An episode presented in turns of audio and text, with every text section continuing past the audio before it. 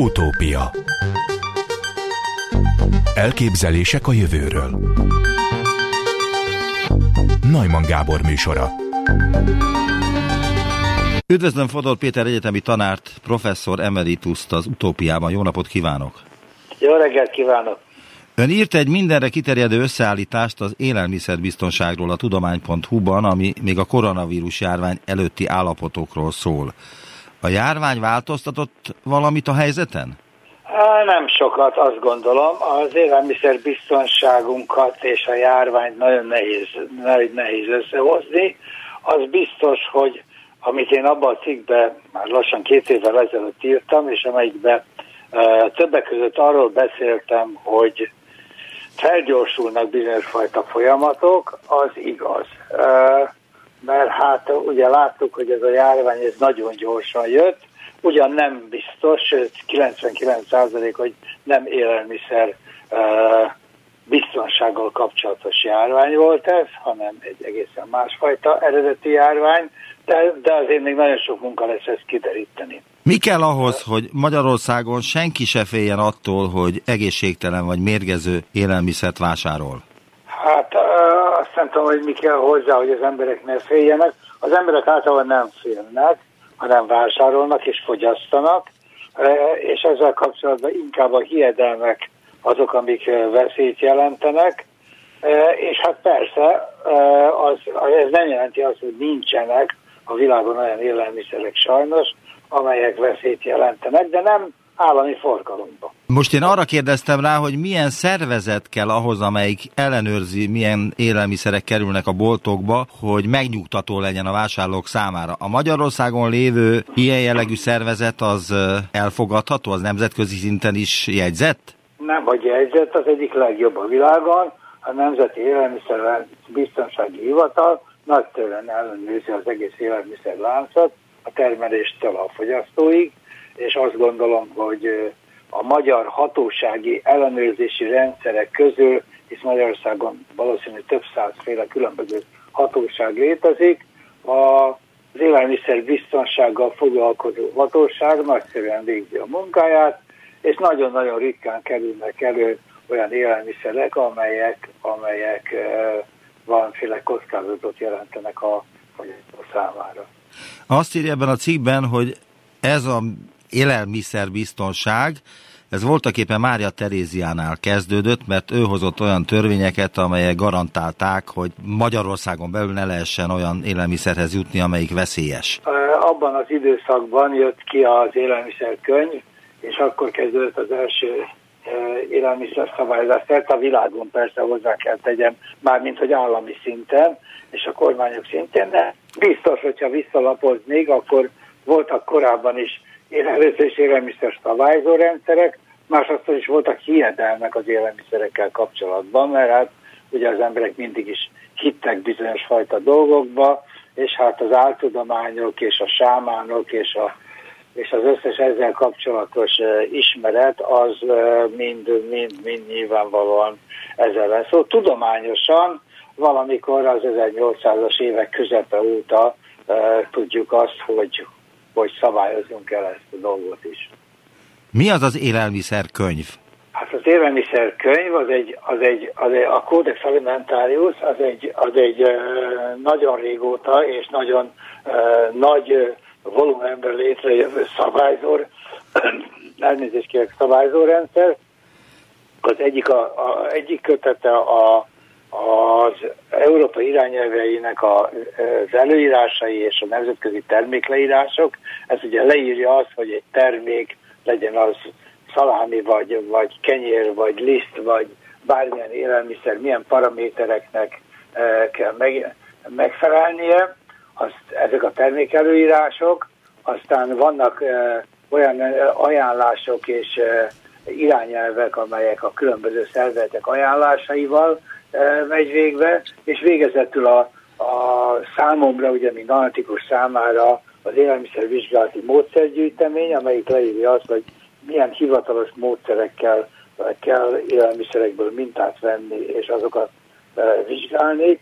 Minden komponensére kivétel nélkül, ami szabályzott, vannak módszerek. Ezek a módszerek évente megújulnak és megújulnak. Minden évben összejön egy szakbizottság, amelyet a, a WHO és a FAO szervezésében Magyarország szervez amúgy, az idei sajnos elmaradt a vírus miatt, de minden tavasszal összejön ez a világszervezet Magyarországon, és áttekinti a az antikai és a mintavételi módszereket.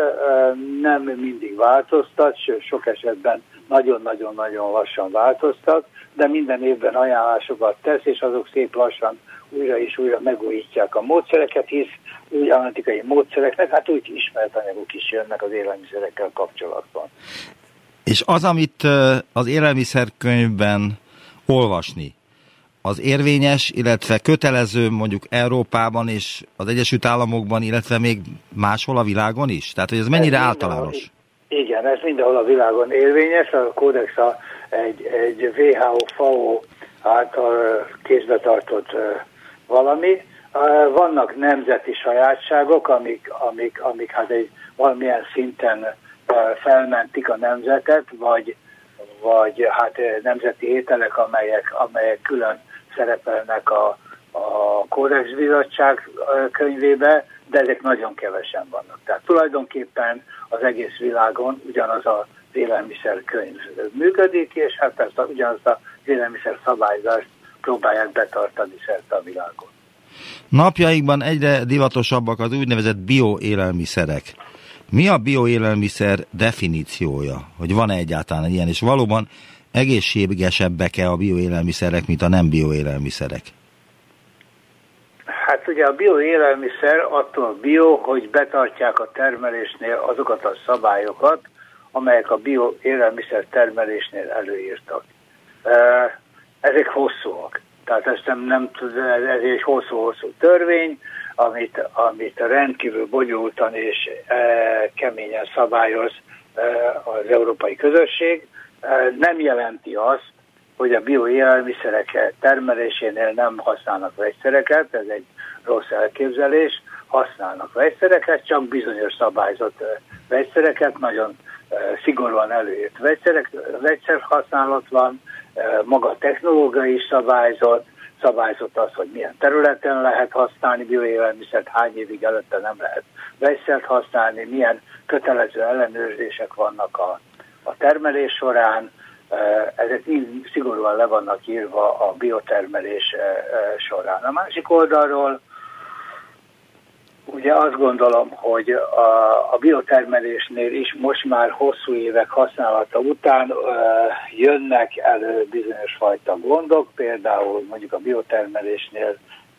ó, alig használnak gyomírtószereket, jelentek meg olyan fajta gyomok, a biotermékek között, amelyek gyomokba toxikus anyagokat is találtunk, vagy találta az élelmiszer ellenőrző hatóság, tehát effektíve nem feltétlenül garantált, hogy, hogy, hogy nincs benne semmiféle toxikus anyag, de azért nagyjából jól látható, hogy a termelése más kemikáliákkal működik, mint a nagyipari termelés.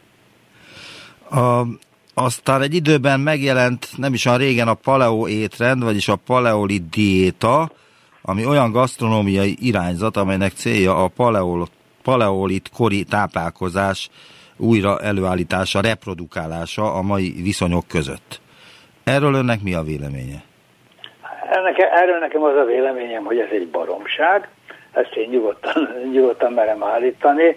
Ilyenfajta, ilyenfajta divatok sokan voltak is, meg persze lesznek is, nagyon sokan hasznot húznak ezekkel a, ezekből a, a divatokból, azonban nem gondolnám, hogy az emberiségnek a táplálkozásában be kéne tartania olyan fajta szabályzókat, hogy hát az egyik az csak tejet nem eszik, a másik csak húst nem eszik, a harmadik csak nem. Rendkívül változatosan kell táplálkozni, a változatos táplálkozás azt jelenti, hogy fehérjét, hús, zöldséget, gyümölcsöt, rostot, vitaminokat, stb.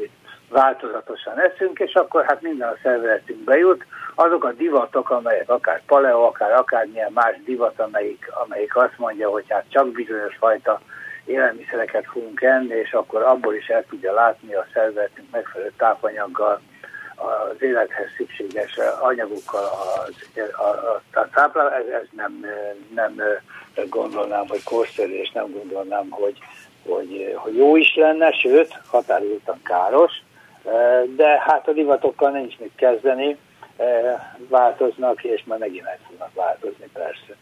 Ebből nagyon sokan nagyon nagy hasznot húznak, akik ezeket, ezeket forgalmazzák, de, de hát mit tudom, Magyarországon hálózata van a, a pívíz forgalmazásnak, amelyik pívíz egy baromság, ugyanilyen a baromság, a víznek nincs memóriája, a víz nem tud emlékezni arra, hogy valamiféle sugárzást kapott, vagy nem kapott volna, ami semmi értelme nincs nyilvánvalóan az ilyenfajta sugárzásoknak. Ennek ellenére teljes hálózata van Magyarországon a PV szolgáltatásnak, sőt házhoz szállítják, az emberek megfizették azt a e, teljesen fölösleges e, kár, sőt, hát nem káros, de nem is nem hasznos e, vizet, amelyik semmivel sem jobb, mint a csapból folyó ki, ki, kiváló és nagyon egészséges magyar vízhálózat. Igen, de most megjelent egy cikk, amelyben európai városok vizeit elemezték, és a fő budapesti vízben is, vagy lehet, hogy csak a magyar, magyar vizeket, és hogy a budapesti vízben is találtak e, ilyen lebomlott műanyag darabokat, amelyeket e, nem tudom pontosan, hogy hogy neveztek, de ilyen műanyag buborékoknak nevezik, és hogy ez a fővárosi vízben is van, és ez mindenütt van már a világban. Én ezt a cikket nem olvastam, de simán el tudom képzelni, tehát én azt nem vannom kétségbe, hogy, hogy a vizekben is előfordulhatnak, mindenféle vizekben, előfordulnak például ilyen műanyag, lebomlott műanyag termékek, bele, előfordulhatnak olyan fajta veszélyes anyagok, amelyek, amelyek ott vannak, de hát ez, honnan veszik a pívizet? Az égből, vagy, vagy mit tudom én miből? Én nem gondolnám, hogy abban ugyanezek a termékek nem, nem lennének, Sajnos az emberiség beszennyezte a vizeit, és a vizek be vannak szennyezve többek között műanyagokkal is. Ezek a műanyagok bomlanak, amúgy az egészségügyi hatások ezeknek a műanyagok, a bombott műanyagoknak és nanorészecskéknek nem egészen tisztázott. Az Európai Közösség élelmiszerbiztonsági honlapján az EFSA-n nagyon se, és igazán se pozitív, se negatív állásfoglalás nincs arról, hogy hogy, hogy mi ezeknek a hatása, vizsgálják ezeket a hatásokat, feltétlenül nem pozitív hatása van az emberiségre, a másik oldalról meg nem bizonyította negatív hatása. Eh, az, hogy az ivóvizekben, az, hogy ilyeneket felfedezünk, annak, annak az az oka, hogy újabb és újabb műszerek és módszerek jelennek meg a, a világ eh, élelmiszer analitikájában, és így aztán lehetőség van arra, hogy hogy olyan komponenseket is lássunk, amiket korábban nem láttunk, de hogy ezeknek mi az élettani hatása, azért ez egy nagyon részletes, sok évig tartó alapos vizsgálat kell, hogy megelőzze, hogy állásfoglaljunk egyáltalán arról, hogy igen vagy nem. Sikerül, sikerült-e már megoldani az akrilamid szabályozást? Öntől idézek. Az Európai Élelmiszerbiztonsági Hatóság, az EFSA élelmiszer szennyező anyagokkal foglalkozó szakbizottság, a Kontam Panel 2015-ben megerősítette a korábbi értékeléseket, melyek szerint állatkísérletek alapján lehetséges, hogy az élelmiszerekben jelenlévő akrilamid megnöveli a rák kialakulásának kockázatát. Az akrilamiddal kapcsolatos első tudományos cikk 2002-ben jelent meg Svédországban, a burgonyos sütésekor a szénhidrátból 150 Celsius fok felett akrilamid keletkezhet. Az Európai Unió Élelmiszerügyi Tudományos Bizottsága, a Scientific Committee on Food még abban az évben tudományos állásfoglalást adott ki, miszerint az akrilamid kísérleti állatokban genotoxikusnak és rákkeltőnek bizonyult, ezért a bizottság ajánlása alapján az alara elvének megfelelően az észszerűen elérhető legalacsonyabb szintre kell csökkenteni a bevitelt. Vagyis az a kérdésem, hogy most akkor mi van ezzel kapcsolatban? Ez, ezt a példát azért vetettem fel a, abba a cikkbe annak idején, mert ez egy nagyszerű példa arra, hogy milyen gyorsan. Tehát eh, ahhoz képest, hogy, hogy az első cikk valamiről megjelent 2002-ben és 2015-ben 13 évre rá eh, teljes szabályozása lett ennek a komponensek, amit előtte nem is ismertünk, mármint hogy eh, ismerni ismertünk, csak hát nem élelmiszerekben, Ez, ez egy hihetetlen gyors történet, ilyen gyorsan, nagyon-nagyon nehezen tudom elképzelni másik komponensek szabályozását. Ez egy olyan termék, amelyik a a keményítő tartalmú élelmiszerek sütésekor uh, tud, tud keletkezni, akkor, hogyha a sütés bizonyos paramétereket uh, nem tart be, így például a hőmérséklet paraméterét, ezért az európai közösség ezt megpróbálta szabályozni, és szabályozta is. Az összes olyan uh, cég, amelyik mondjuk uh, krumpli burgonya sütéssel foglalkozik, tessék csak a gyors éttermi láncokra gondolni, ahol hát ugye mindenki eszi a sült krumplit, ott olyan sütési technológiákat dolgoztak ki, olyan olajösszetételeket dolgoztak ki, amelyek azt eredményezik, hogy 150 fok alatti sütési hőmérsékleten is meg tudják sütni a burgonyát, és így aztán az akrilamid termelést gyakorlatilag szinte nullára tudták redukálni. Ez például ennek az európai közösségi állásfoglalásnak a végeredménye, tehát eh, igazán ez egy eh, pozitív dolog, mert, mert hát nyilván van ott, ahol tömegbe sütik a krumplitot, hát nem szabadna toxikus komponenseket gyártani. Aztán van egy érdekes dolog, ami az utóbbi 10-15 évben vált eh, mindenki számára fontossá, ezek a bizonyos elszámok. Mik azok az elszámok, és mióta léteznek, és mit jelentenek? Az elszámok már nagyon nagyon-nagyon régen léteznek, és hát tulajdonképpen semmi másról nincs szó, csak arról, hogy az élelmiszerek adagolt tartósítószereket, adalékanyagokat valamilyen rendszerbe foglalta az Európai Unió. Ez már kívül régen 60-as évek óta, 62-ben elkezdte az élelmiszer adalékanyagokat rendszerezni, és akkor hát különböző csoportok szerint, logikai csoportok szerint ö, rendszerezte. Az emberiség ugye mindig is használt élelmiszer adalékanyagokat, mióta az élelmiszer tartósítani kell, azóta sózunk, sózzuk, füstöljük, ecetet használunk, és így tovább cukrot használunk, tehát használunk adalékanyagokat az élelmiszer tartósításnál már talán az ősember is használt, amikor az első mamutot elejtette, és gondja volt, hogy, hogy rá, rábüdösödött, és akkor kénytelen volt valamilyen tartósítószert használni, azóta használunk. Ezeket elszámoknak hívjuk, és az elszámok használatáról az az európai közösségnek az álláspontja, hogy Santum Quantis, tehát olyat kell, annyit kell használni, amennyi pontosan elegendő, éppen elegendő ahhoz, hogy elérje a megfelelő hatást, tehát elérje azt a hatást, hogy tartósítson, elérje azt a hatást, hogy mondjuk egy színezéket, amely bomlik a, a tartósítás során, annak visszaállítsa az eredeti színét, és így tovább. Tehát mindenképpen szabályozott a felhasználásuk, és nyilvánvalóan csak úgy engedélyezi őket a közösség, hogy nem lehet egészségre káros hatása. Persze évente, vagy két évente rendszeresen felülvizsgálja jegyzéket, több száz anyag. Aki kintja az elszámokat, több száz anyagot talál köztük, és hát vannak köztük olyan is, mint például a C-vitamin, amit hát eh, aszkorbinsav, amit, amit hát az emberek nem gondolják, hogy tartósító anyag például, vagy de, de ennek ellenére az emberek mindig félnek a, a, az adalékanyagoktól, annak ellenére, hogy használják őket, mert hát sóznak, cukroznak, és így tovább használják őket a különböző tartósítási folyamatoknál, valahányszor élelmiszer tartósítanak. Ezek szabályozottak, nem gondolnám, hogy bármilyen gondot is jelentenének, de az is biztos, hogy rendszeresen felülvizsgálja az európai közösség a, a listát, és hozzárak, illetve kivesz belőle a tudomány megfelelő napi állásának megfelelően.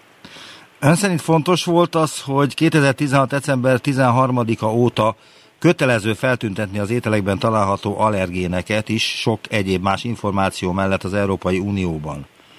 Ezt az Európai Unióban komolyan veszik-e, Magyarországon komolyan veszik-e, illetve mi ennek a jelentősége? Ja, nagyon egyre több és több ember van, akinek a szervezete allergiás reakciókkal reagál bizonyos fajta komponensekre, nagyon sok ilyen van, több, tényleg nagyon sok, élelmiszer, többek között élelmiszerek is. Persze nem csak élelmiszerek, mert van, aki a porra, van, aki a pókcsipésre, stb. Tehát sok mindenre lehet valaki, valakinek a szervezete reagálhat allergiás reakcióként, de az élelmiszereknél az európai közösség szabályozta már jó régen, és Magyarországon is már jó régen fel kell tüntetni az élelmiszerek címkéjén a az, az hogy tartalmaz-e allergénanyagokat. Sok élelmiszeren látszik is, mert fel van tüntetve, hogy magyaró, vagy tej, vagy liszt, vagy valami hasonló allergiára, allergia ellen van-e az adott élelmiszerben komponens, de, de hát nem mindenen sajnos. A másik oldalról látni kell az, hogy a címkegyártók is gondba vannak, mert sokszor kis címkéhez nagyon sok információt kéne közölni, vannak Nyugat-Európában olyan, olyan élelmiszer áruházak, ahol nagyítót, meg lupét raknak ki, és akkor meg lehet, el lehet olvasni a nagyon kis cím, a nagyon kis betűkkel a címkéken jelölt paramétereket is, hozzátéve az, hogy még a címkén lévő betűk nagyságát is szabályozza az élelmiszertörvény, de hát azt én nem állítom, hogy minden magyar élelmiszeren fenn van tűtetve a az allergén jelölés, azt se állítom, hogy minden allergén anyag fel van tüntetve mindig, de azt, azt, azt állíthatom, hogy, hogy a törvény él, és, és e, nyilvánvalóan a hatóság megpróbál érvényt szerezni ennek a törvényének is, mert hát ez a hatóság feladata, mi az egyetemet tanítjuk, más nem sokat tudunk tenni ennek érdekében.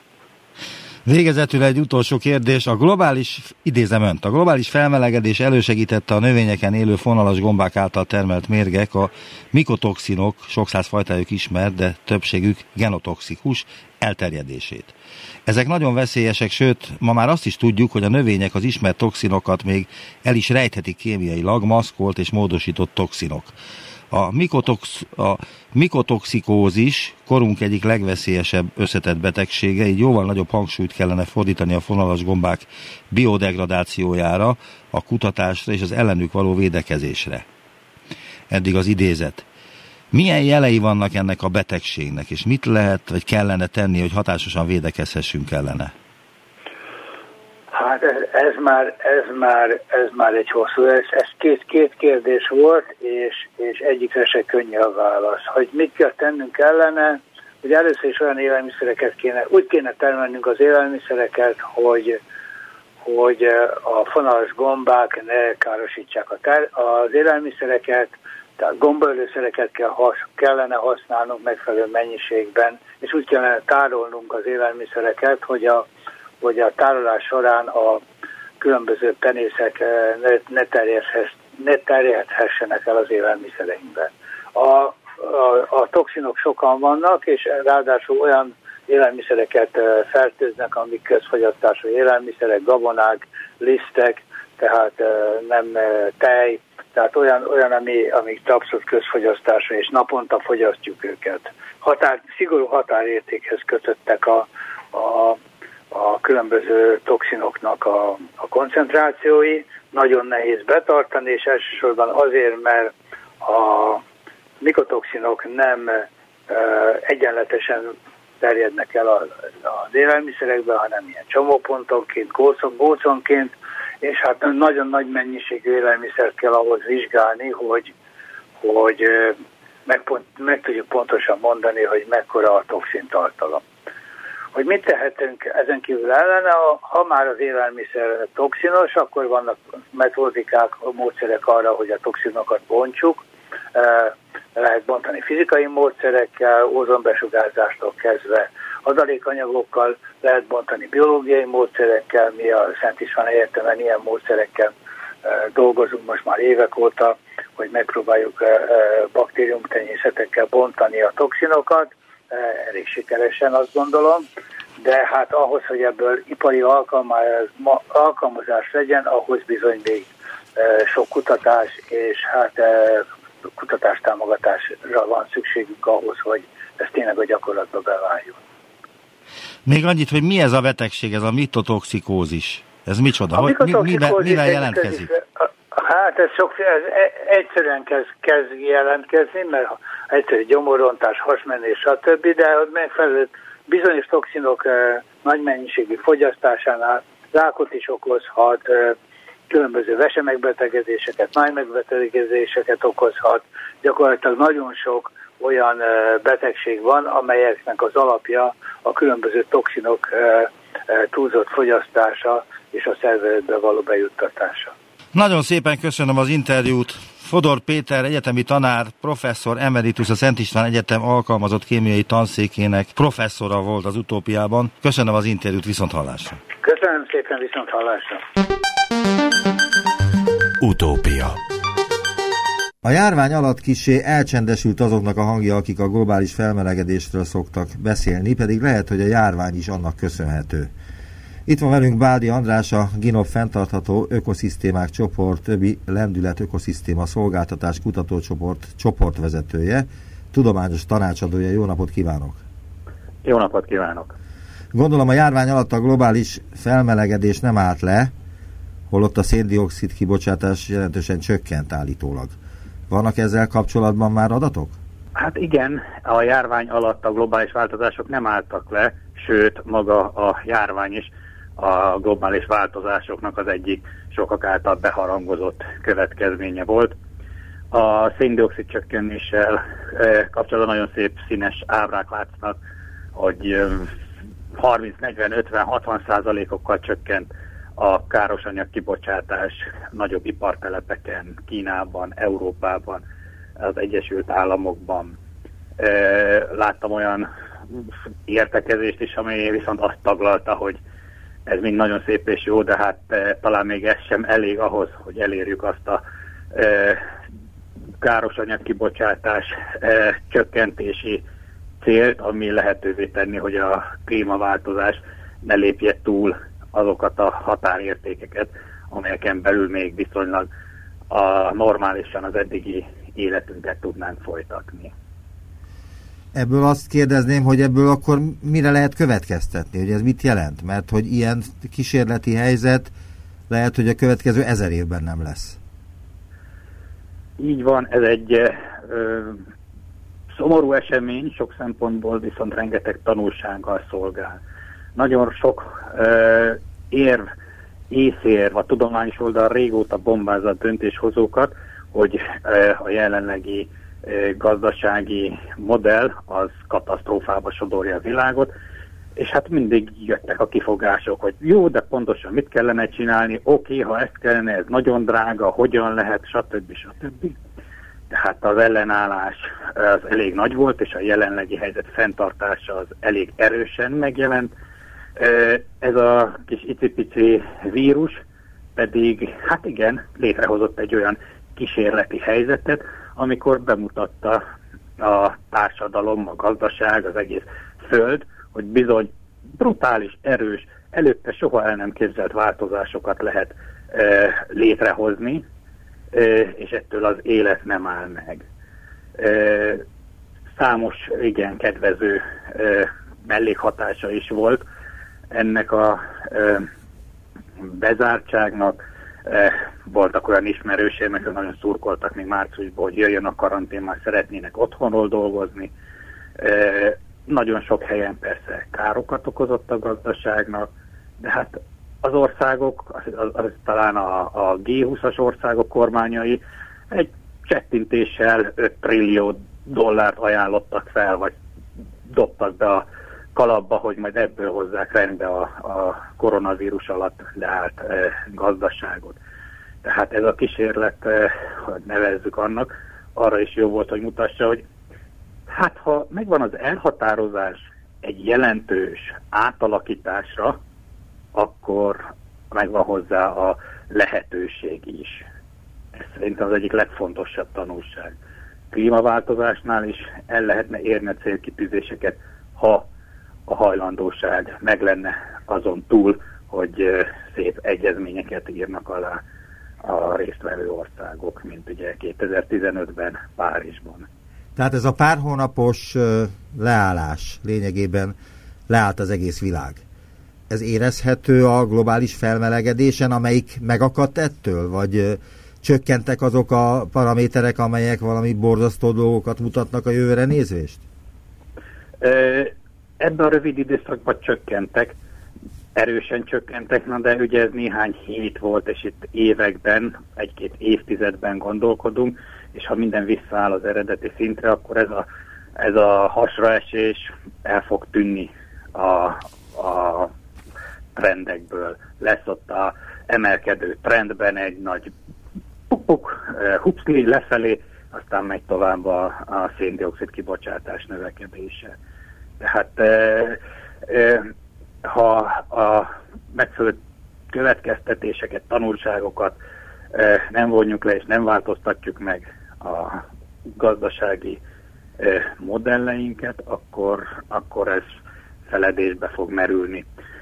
Azért lássuk be, hogy mi emberek egyesével és meg, hogy úgy mondjam, csoportosan is nagyon ügyesek vagyunk abba, hogy egy rossz tapasztalatot pikpak elfelejtsünk, és ne csináljuk, ne kövessük el megint ugyanazt a hibát. Tehát hajlamosak vagyunk többször elkövetni ugyanazt a hibát, ami sajnos eléggé e, szomorú és pessimista e, vonzata, e, vonzata jövőre nézve.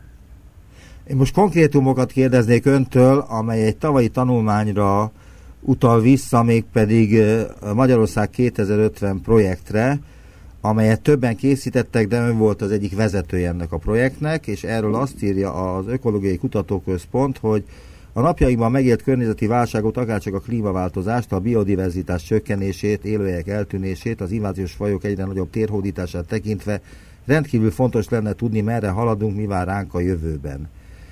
Ön többek között azt is kiemeli, hogy a vidék fokozatosan elsorvad, elnéptelenedik, miközben a városiasodás egyre jelentősebb lesz.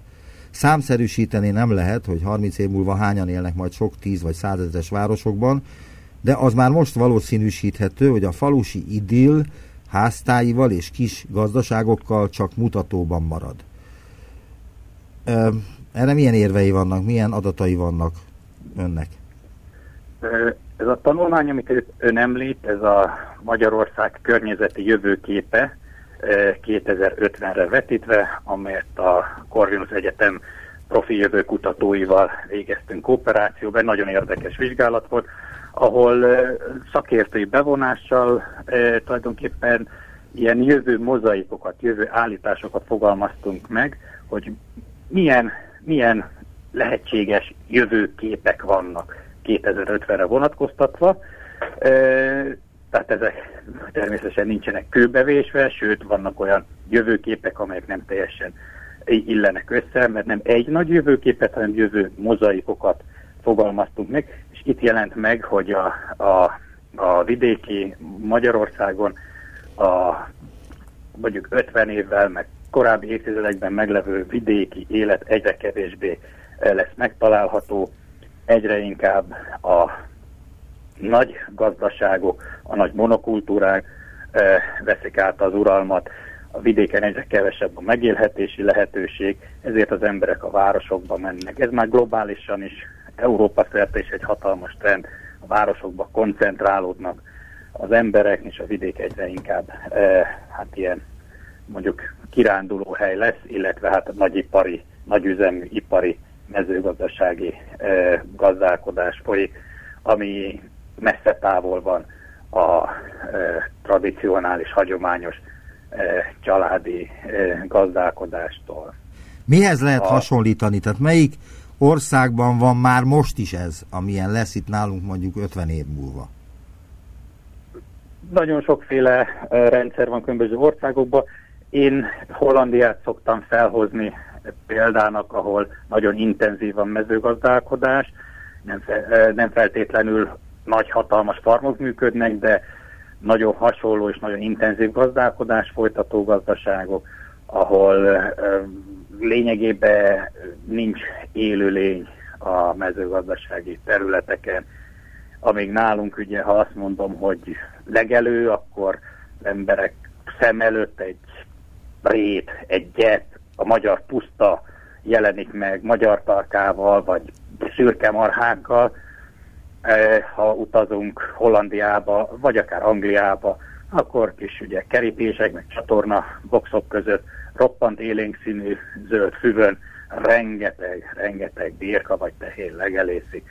Hát egy minden mesterséges, ma a füvet is ültetik, trágyázzák, kezelik ugyanúgy, mint bármilyen eh, mezőgazdasági eh, haszonnövényt, és ahol ilyen intenzív kezelés van, ott nagyon kevés eh, szeret jut a biológiai sokféleségnek.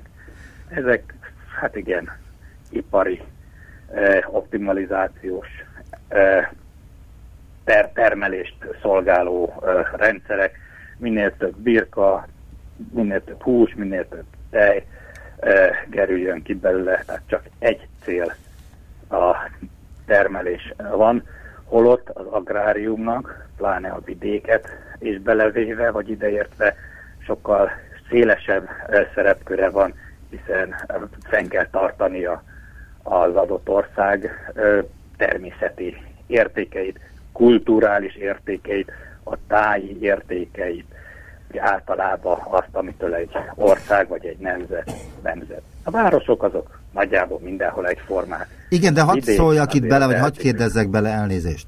Hát Hollandiát azt mindig példaképnek szokták említeni minden téren. A mezőgazdasági e, gazdálkodók is a hollandoktól, vagy hollandokról vesznek példát bizonyos termékeknek a előállításában. És e, akkor ezek szerint az nem jó. Valamilyen hát szempontból nem jó. Így van, rengeteg szempontból jó, ha minél többet akarunk termelni, minél több profitot akarunk termelni, akkor nagyon jó példa a hollandok rengeteg. E, nagyon nagy a e, nagyon nagy haszonnal tudnak dolgozni, e, de ahogy mondja, nem mindenben jó. Például arra, hogy amiről elkezdtem beszélni, hogy fenntartsa az adott országra jellemző élővilágot, területeket, tájakat, arra nem jó. Hát azt mondjuk, hogy egy holland táj, akkor ugye mondjuk tulipán mezők jelennek meg. Ne, ne nevetessük ki magunkat a tulipán közép-ázsiába őshonos ott csak termesztik. Most tényleg az a holland nemzeti büszkeség, hogy virágot termesztenek, tulipán. Hát, Jó, de hát itt azért... azért mondhatnák azt a hollandok, most a hollandok védelmében mondom, hogy ahol ők a tulipán termesztik, ott tenger volt, és ők tették lehetővé, hogy lehessen termeszteni tulipánt. Hát igen. Ez is egy érdekes dolog, hogy elég sok szárazföld van, miért kell a tengertől elvenni, bár kétségkívül tengerből több van, jó. Jó, ugorjunk egyet. Igen, Azt, egyet. A, ugyan erre a tanulmányra térek vissza. A második pontban, már mint ezt emelték ki másodikként az Ökológiai Kutatóközpontosok, hogy a biodiverzitás nagyon visszaesik, a becslések szerint ennek mérték akár 90%-os is lehet, eltűnik a változatosság, a tájat kevés és azonos fajokból álló unalmas és egysíkú élőhelyek fogják uralni. Mi az, ami eltűnik konkrétan? Mi az, ami mindenképpen eltűnik egy ilyen éghajlati körülmény, ilyen éghajlati körülmények között? Eh, ahogy ugye el, megpróbáljuk elgondolni, hogy néhány évtized múlva mi lehet, a jelenlegi ismereteinkre támaszkodva, nyilván másra nem is eh, nagyon tudunk, akkor eh, az egyik lehetőség a mezőgazdálkodás intenzitásának a növekedése, több műtrágya, több, több monokultúra. Tehát egy, egy, egy elszintelenedés, elszegényedés, ami együtt jár azzal, hogy az ott élő élővilág is elszintelenedik, elszegényedik, a sokféle kemikália miatt pedig direktbe is elpusztul, vagy azért pusztul el, mert nincs neki elég táplálék. A Madártan, Magyar Madártan Egyesület most már évtizedek óta nyomon követi Magyarország madárállományának a változását, és ebből tudjuk, hogy azok a, leginkább azok a madárfajok ö, ö, állománya csökken jelentősen, amelyek a mezőgazdasági területekhez kötődnek. A mezei pacsírta, a fecskéig, a sordé, a sárga, egy csomó olyan faj, ami ilyen vidéki, mezőgazdasági területeken él. Öntől idéznék még elnézést, tehát feltételezem, hogy ez a tanulmányból származik. Eltűnnek a rétek sáskái, szöcskéi, a vadméhek és a madarak jó része.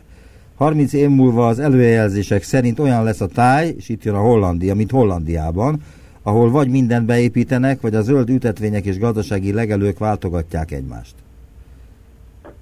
Így van, akkor hadd mondjak egy konkrét példát, ami ezeket a gondolatok, ami ezen gondolatok mögött van. 2000-es évek elején egy közös kutatás holland kutatókkal, gyepeken, magyar-holland gyepek. A hollandok nem akarták, hogy sáskát bevonjuk a vizsgálatba, a sáskákat, vagy mondjuk egyenes szárnyakat kicsit tudományosabban, mert hogy nekik nincsenek a gyepeken. Mi pedig ugye, ha kimegyünk itt Magyarországon, akkor ott ugrálnak jobbra-balra, hogy megyünk keresztül egy gyepen. És valóban ez volt a helyzet, amíg a, a holland mintavétel során három-négy fajt találta 30 egyeddel körülbelül, mi sok ezer sáskát tudtunk megfogni. Pont azért, mert itt még egy természetközeli eh, gyep, természetközeli gyepek és természetközeli legelőtt található, mert magas szintű az élővilága, jó a biodiverzitása. Ez Hollandiában nincs meg. És ugye, ha nincsenek sáskák, nincsenek más rovarok sem, akkor a madaraknak sincs mit tenni, tehát eltűnnek a madarak. És a, a magyar agrárium is az intenzifikálódás, az egyre több agrokemikália használat felé lép tovább, akkor itt is azt fogjuk tapasztalni, ami most már Hollandiában, vagy Angliában, vagy német, francia, belga területeken is látható, hogy nagyon kevés a rovar, még kevesebb a madár. És ez elindult Magyarországon, tehát ez, ennek ez a szomorú eh, aktualitása, ez a bizonyos eh, madármonitoring, a Madártan Egyesülettől mutatja, hogy az elmúlt kb. 20 év során 10-ből 6 pacsírta eltűnt, 10 fecskéből füsti fecskénél 4 eltűnt, parti fecskénél 6 eltűnt, tehát már most lefeleződött a, egy számos madárfaj állománya, amelyeknek ott kéne a mi magyar pusztáinkon, vagy azok környékén élniük. Még azt is írja, hogy a mai viszonyokhoz képest az ország kipusztul, hát erről beszél most is, szintelenné válik, de a laikus ebből a saját szemével keveset lát majd. Ha valaki nem nézi, nem is veheti észre az apróságok eltűnését, hogy a kertben repkedő rovarok 30 fajt képviselnek-e, vagy csak egyet. Írja a közleményben az egyik legszomorúbb meglátást Báldi, vagyis ön. Hát ez tényleg elég szomorúnak hangzik. De hogy ez, ez mennyire valószerű, mennyire jóslás, és mennyire nem jóslás. Jelenleg ugye jövőre nézve mm, hát nem nevezném jóslásnak, hiszen a jövő kutatás az egy kutatás, egy tudomány, míg ha nekem is, mint ugye természettudós, tudományos alapokkal, alapokon növekvő ökológusnak ez elég furcsa, de ettől még a közgazdaság és társadalomtudomány területeken ez egy teljesen bevett tudomány ág. Tehát néz, nevezzük eh, kutatási eredményeknek, még ha laikusan, akár jóslásnak is lehet nevezni. Eh, amikről beszéltünk, ezek elég nagy bizonyossággal eh, állíthatóak, hiszen itt meglévő trendek folytatását vetítjük ki néhány évtizeddel tovább. Hogy Ak- ez... Várjuk, kérdeznék konkrétumot is. Azt Igen. is írja, hogy az inváziós állat és növényfajok terjedése még tovább csökkenti a biodiverzitást, ezek az idegenhonos fajok egész ökoszisztémákat fognak létrehozni Magyarországon. Ez mit jelent? Tehát milyen ökoszisztémák jönnek majd létre, ha eddig még nem jöttek volna létre? E, ugye, ha azt mondjuk, hogy, itt a földgolyó, és nincs rajta egy ember se, akkor is különböző állat- meg növényfajok elterjedése változik. Most, hogy itt vagyunk mi is, jelentősen átalakítjuk a világot, részben másképp műveljük a földeket, a területeket, sokkal több az ember által dominált élőhely, és itt van a klímaváltozás, és mindez azt jelenti, hogy jelentősen változik a környezet, aminek vannak nyertesei, meg vesztesei. Ugye vesztesei azok a fajok, amelyek állománya csökken, kipusztulnak, eltűnnek Magyarországról, ezzel mondjuk mi is vesztünk. Helyére bejönnek más fajok. Ezek a más fajok nem biztos, hogy jók, legtöbb esetben rosszak, olyan szempontból... Tud erre példát rossz, mondani most a, a napjainkból? Hogy kiszorítja. Hát ami rossz, az a egyik legismertebb példa, az a bizonyos tigris szúnyog, amelyik a felmelegedéssel együtt megjelent Magyarországon, e, néhány éve és egyre jelentősebb állományait sikerül kimutatni az országban.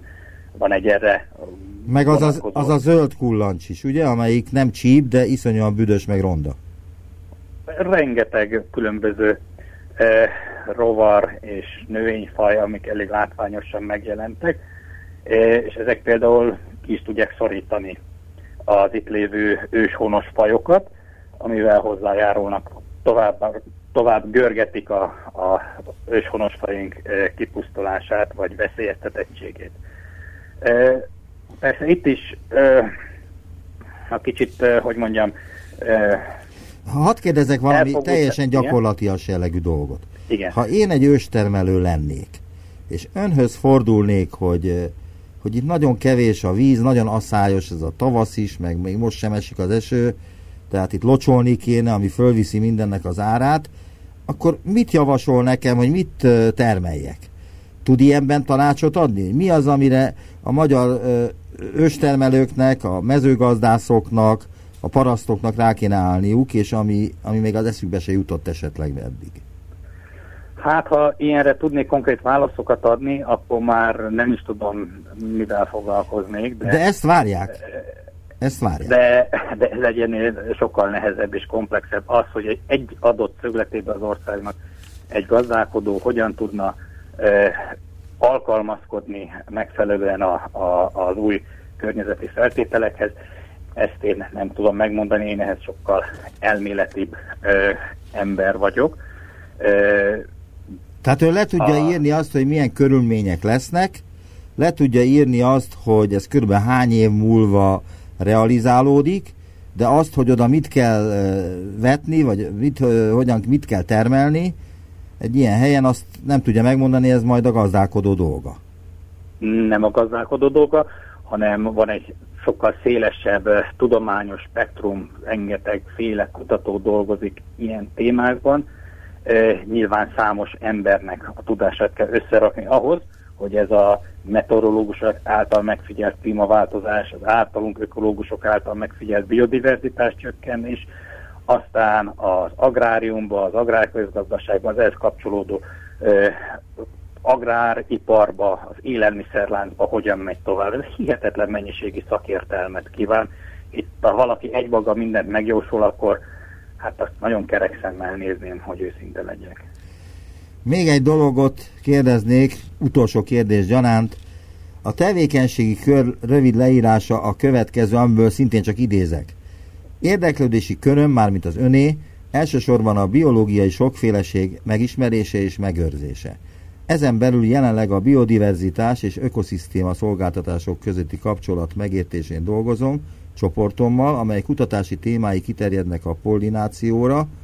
A, az micsoda a pollináció elnézést? Beporzás. Mihez? Az a beporzás, igen. A természetében biológiai védekezésre, illetve a talaj lebontó folyamatokra.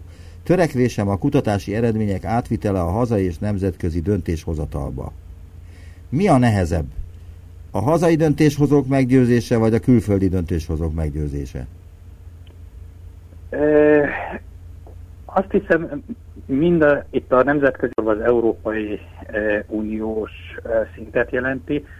A, a, a minisztériumokban, vagy az megfelelő uniós szervezetekben általában meglehetősen egy, egyetértő kollégákkal lehet együtt dolgozni, E, igazából aztán a magasabb szintű döntéshozók, akik már nagyon sokféle e, szempontot figyelembe vesznek, hogy úgy mondjam, amiben a biodiverzitás értéke sajnálatosan nem megfelelően e, van beállítva, ott már ez nehézséget okoz.